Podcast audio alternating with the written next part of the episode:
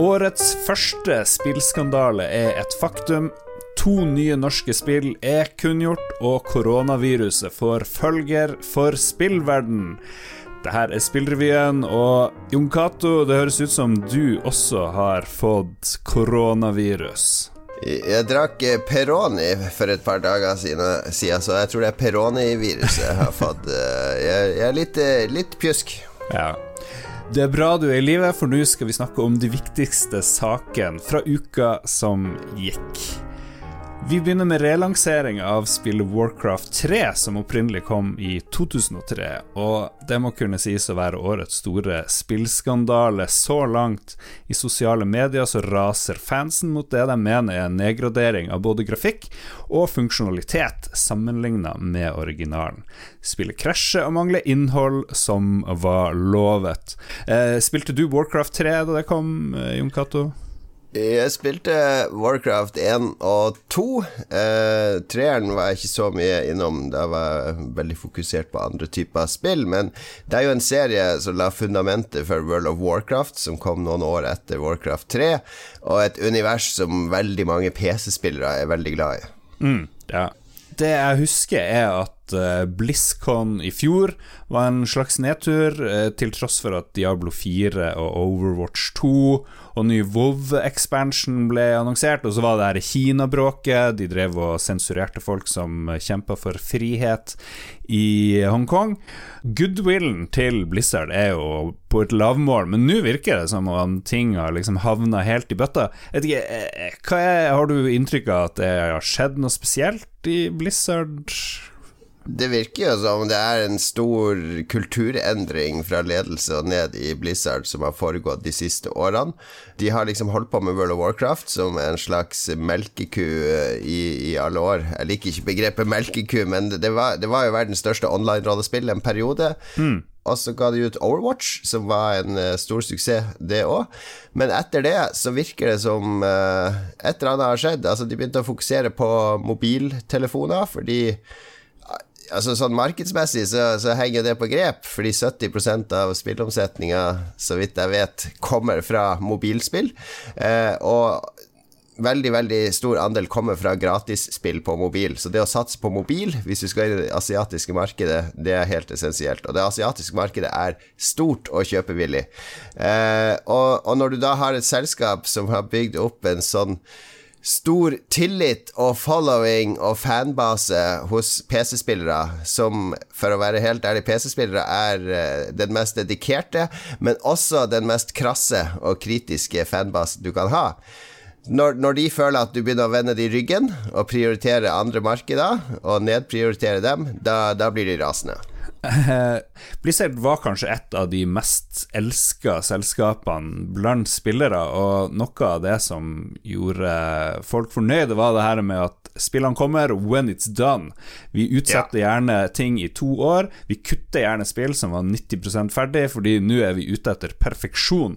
Og det, det vistes jo lenge at eh, Blizzard-produktene var jo garanti for at det her var jævlig bra, og nå er det var et, uh, var et nivå over resten. Det var liksom liksom Blizzard, og så var det Valve. Disse to hadde en stjernestatus i, i PC-spillverden som ingen andre kunne konkurrere med. Jeg er jo en av de, eh, ikke få kanskje, men en av de som, som var på etere for 15 år siden, når de fortsatt utvikla Starcraft Ghost, som var liksom en konsoll-actionspill basert på Starcraft-universet, som var så å si nesten ferdig, men de valgte å bare skrape hele spillet. Så det, det har jeg spilt, men det kom aldri på markedet. Mm. Resultatet er at Warcraft 3 Reforged har fått den laveste scoren noen gang, omtrent, på Metacritic. Det begynte med at de hadde 0,8 av 10, og så ble det 0,7 og 0,6, og nå har de 0,5 av 10 poeng blant brukerne på Metacritic. Det er ikke så veldig viktig, men det er jo en sånn review-bombing-praksis hvor spillere går i lag og viser tydelig klart hva de mener akkurat i dette tilfellet så er det jo på samme side som kritikerne, fordi dette spillet Det fikk jo terningkast én fra Pressfire, mm. som jo er eh, kanskje et av de to mest anerkjente mediene i Norge når det gjelder å omtale spill. For å kommentere litt hva det er de raser mot, det er jo at spillet ikke ser ut sånn som det ble lova som skjer rett og slett der i spillverden, men også fordi en masse funksjonalitet er borte, Og at uh, Blizzard plutselig har snikinnført en sånn der brukeravtale med at hvis du lager innhold til spillet, altså fikser på ting, lager kart Alt innhold eies av Blizzard. Det. De har vel lært fordi da de hadde Warcraft 3 i 2002, eller 2003, mm. så var det folk som lagde en masse modder som jo ble ganske store. For eksempel Dota er vel eh, resultat. Uh, det er en, en, en spin-off av, eller bygd på fundamentet til Warcraft. Uh, og det er jo dette de er livredd for skal skje igjen, og da, da lager de en sånn innhegning for alle spillerne, så du, du, får lov å leke inne i vår gård, men det er vi som eier alt du leker med. Ja. Uh, men er det så urimelig, liksom, egentlig? Eh, ja, men det er jo paralleller til andre bransjer her, f.eks. musikkbransjen og sampling, som var et veldig omstridt tema på, på starten av 90-tallet, når det ble store restriksjoner. Fordi før 90-tallet så kunne du stort sett sample fritt i musikken og lage eh, låter om igjen, eh, rappe av de, osv. Altså, dette likte ikke musikkbransjen, så det er en slags parallell her til hva Hvor stor frihet skal du ha til mm. å ta andres kreative eh, verker og, og, leke med de på egen hånd? Men innen spill er det litt annerledes, fordi det er også sånn at du kan du deler jo det du skaper. Altså De tilrettelegger for at du skal skape innhold til spill. Alle spill som har moddefunksjoner eller er eh, modifikasjonsvennlige, er jo tilrettelagt for at spillerne skal kunne lage og bruke masse tid på å lage en masse innhold for deg. Uh, I utgangspunktet gratis. Uh, og da er det vel ansett som en fair praksis at hvis du har brukt to år på å lage en helt fantastisk mod til uh, Warcraft, at du skal ha mulighet til å tjene litt penger på det. At ikke bare Blizzard skal si ja, den er vår nå, nå skal vi selge den på markedsplassen. Du skal få null kroner. Manuel Samuel-utviklerne i selskapet Perfectly Paranormal holder til i Norge, og de annonserte nylig puzzle-plattformspillet Hellheim Hassle. Spillet skal gis ut en gang senere i år, og vi har snakka med Osan Drøsdal om hvordan det er å skape entusiasme og etterspørsel for et spill som ikke er ferdig. Produktene våre er veldig Det, det er drevne av fans. Det er liksom, vi må ha fans som obsesser over karakterene og lager fanart og snakker om spillet. Så vi har liksom lyst til å begynne å si hei, sjekk dette her. Vi har hatt lyst til å annonse lenge. Jeg hadde liksom, egentlig lyst til å gjøre det liksom så fort som mulig. Og det er fordi jeg har lyst til å gjøre det før folk har glemt hva Manny og Samuel er. Så vi kan også Vi har jo en liten forsprang nå i forhold til når vi annonser Manny og Samuel, med at nå vet folk hva Manu Samuel er. Så har det liksom allerede en eh, haug med haug, Ja, OK. Jeg har to folk minst om bord.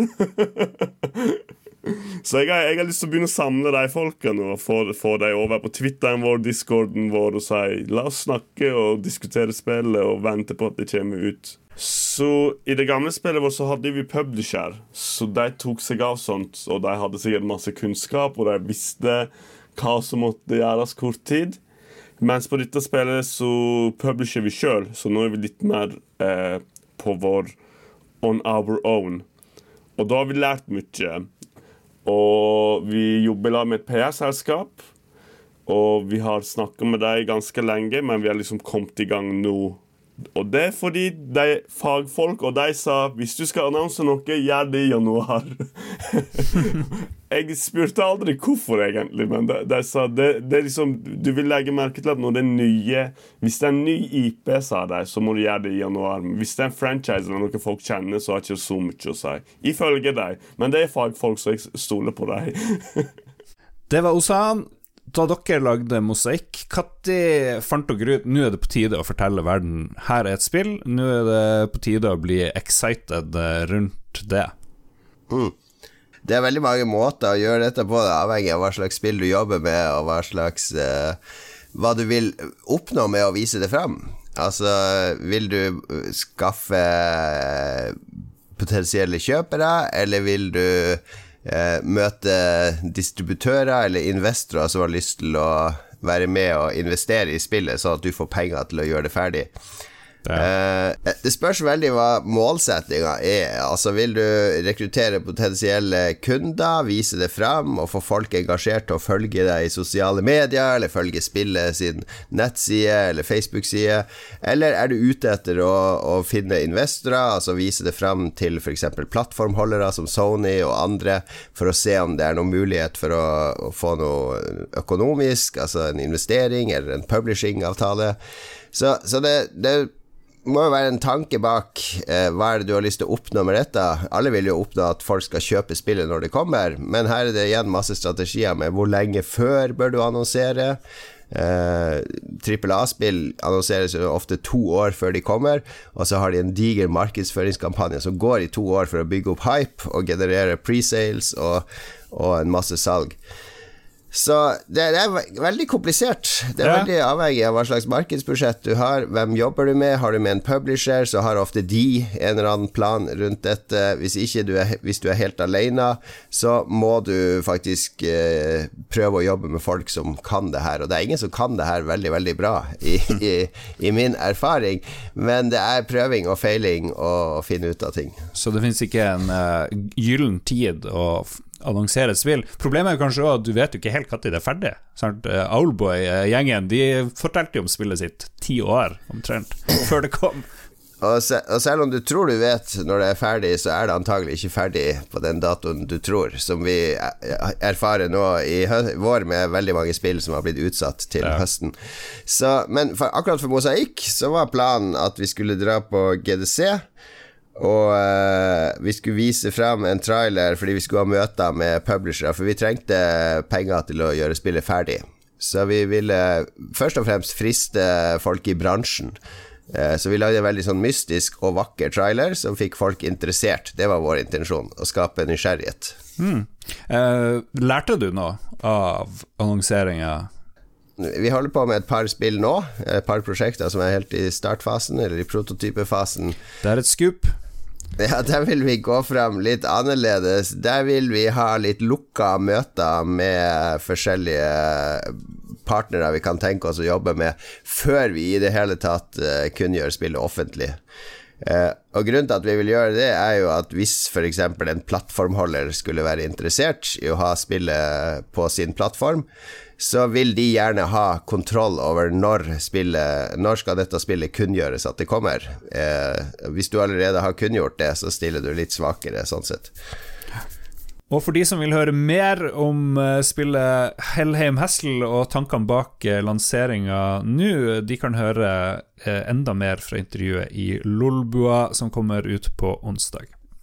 Vi kan også nevne at en som heter Jardar Soli, jeg vet ikke om du kjenner han, han har presentert Nei. et spill som heter Seablip eh, gjennom Pressfire, og det skal være en kombo av Stardew Valley, FTL og Pirater. Det virker veldig som at de har null investering, eh, så jeg lurer på om de er i den fasen der, da. Jeg tror Jardar, så vidt jeg har skjønt, er en enkel person som har laga alt i spillet, bortsett fra musikken, og han lærte seg å programmere for to-tre år siden via YouTube tutorials. Ok, ja vel. Så han han er, ifølge intervjuet med Pressfire, som hadde den første saken om det spillet, så er han vel veldig inspirert av Stardew Valley. Mm. Stardew Valley ble også utvikla over en eh, fem-seks år av en enkelt person som lagde alt i spillet på egen hånd.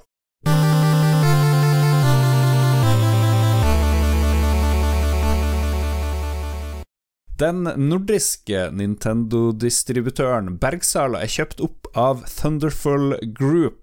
Svenske Bergsala har distribuert Nintendo-produkter i Norge siden Ove Berggren oppdaga Game Watch i Asia for 40 år siden, og klarte å lande en distribusjonsavtale med Nintendo i Japan, slik at Norden ble det aller første markedet for Nintendos produkter i Europa.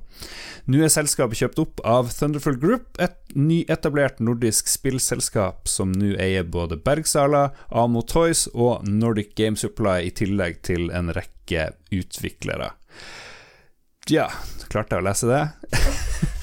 det var en lang nyhet. Men det er eh, altså Bergsala er jo en institusjon når det gjelder spill i Norden. Fordi eh, Ove Berggren var på forretningstur i Asia, oppdaga Game Watch, og så ville han ha eh, distribusjon på det i Sverige.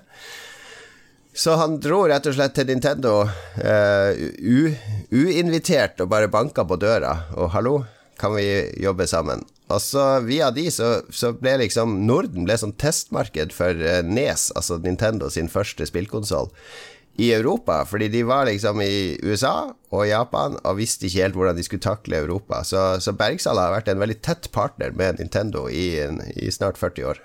De holdt til i Mariosgatan, tror jeg, eller noe sånt, når jeg fikk post fra de. I Linköping, eller er det vel det utafor Gøteborg, langt ut på landet. Jeg har vært og besøkt de et par ganger. Ja. Um, hva vil du si Bergsala har betydd for Nintendo ellers uh, i Norden og Europa? Eh, Bergsala gjør en eh, Og Unsaco, som da var liksom arma i Norge, som distribuerte her, de gjorde en formidabel jobb med å skape en spillkultur rundt Nintendo. For de, de kopierte mye av det de gjorde i USA. Så du hadde jo dette Nintendo-magasinet, som mange som vokste opp på 90-tallet og var Nintendo-fan, har et veldig kjært forhold til. Det var liksom en sånn blanding av tegneserier og spillanmeldelser og spilltips skrevet og gitt ut av Nintendo. Så hvis du var med i Nintendo-klubben, så fikk du dette bladet i, i posten hver måned. Så, så, de gjorde masse for å etablere Nintendo og den spillkulturen som, som vi Et slags fundament for hele den kulturen vi har i dag rundt spill. Jeg har aldri hørt om Thunderful Group, eh, men de er jo nyetablert, så det er kanskje ikke så rart. Men eh, hva er det dem, hva er planen deres? Skal de bli en ny Ubisoft og Electronic Arts? Er det liksom så stort det skal bli, eller?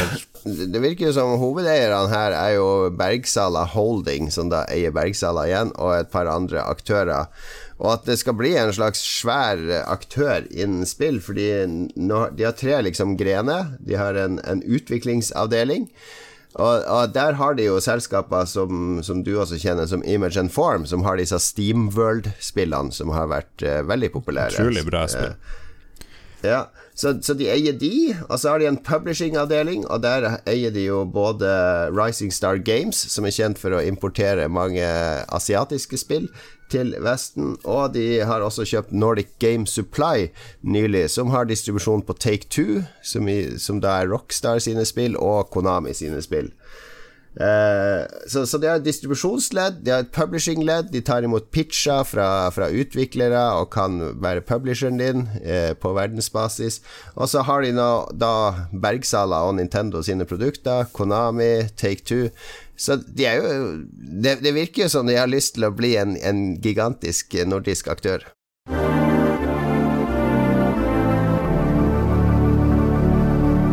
Utbruddet og spredninga av koronaviruset i Asia har ført til at en rekke spillarrangement i regionen har blitt avlyst, deriblant Taipei Gameshow, et av de aller største spillshowene i verden, som har over 300 000 besøkende. Dette skulle finne sted i starten av februar, men har nå blitt flytta til sommeren. Og hvis jeg husker rett, så var du i Taiwan og Taipei i fjor eh, og fikk eh, magevirus, eller noe sånt. Jeg var på Taipei Gameshow i uh, januar i fjor, og det er en uh, Jeg tror det, kanskje det er uh, Det er kanskje noen større interne messer i Kina, men jeg tror det er den største asiatiske. Fordi den ligger på Den er større enn Tokyo Gameshow, og den ligger på, i, i Taiwan, så det er liksom Folk kan komme fra, fra alle de, de, landene nede ved Indonesia, Australia, Kina, Japan. Det er liksom midt imellom alle disse. Så det kommer liksom folk fra hele regionen dit. Jeg kjenner at uh, jeg er ikke like redd for koronaviruset som jeg var for svineinfluensa. Husker du, det var jo stor støy. Ja, men det er fordi du syns korona er litt digg, mens uh, hvem vil vel bli svette som en gris i senga? ok da må høres det ut som vi må avrunde her ganske snart, men for en gangs skyld så er det nå vits å ta for seg ukens spillslipp. Endelig så har det begynt å dukke opp noe her, og 28.1 så kom fire store spill. Et av de har vi allerede nevnt, eh, Warcraft 3 Reforged, som folk hater intenst, virker det som. Pillars of Eternity 2 Deadfire, en uh, suksess fra 2008, er nå ute på konsoller, PlayStation 4 og Xbox Online. Der har vel uh, ingen av oss uh, prøvd det så mye, eller har du det, Jon Cato? Du blander meg med vår tidligere venn Magnus. Uh, I tillegg så har Kentucky Route Zero TV Edition kommet til Switch, PlayStation 4 og Xbox Online. Det er en stor indie-hit fra PC, levert i episoder, men nå samla uh, fullstendig. Og det har jeg kjøpt og lasta ned, og det gleder jeg meg til å snakke om i neste Lolbua.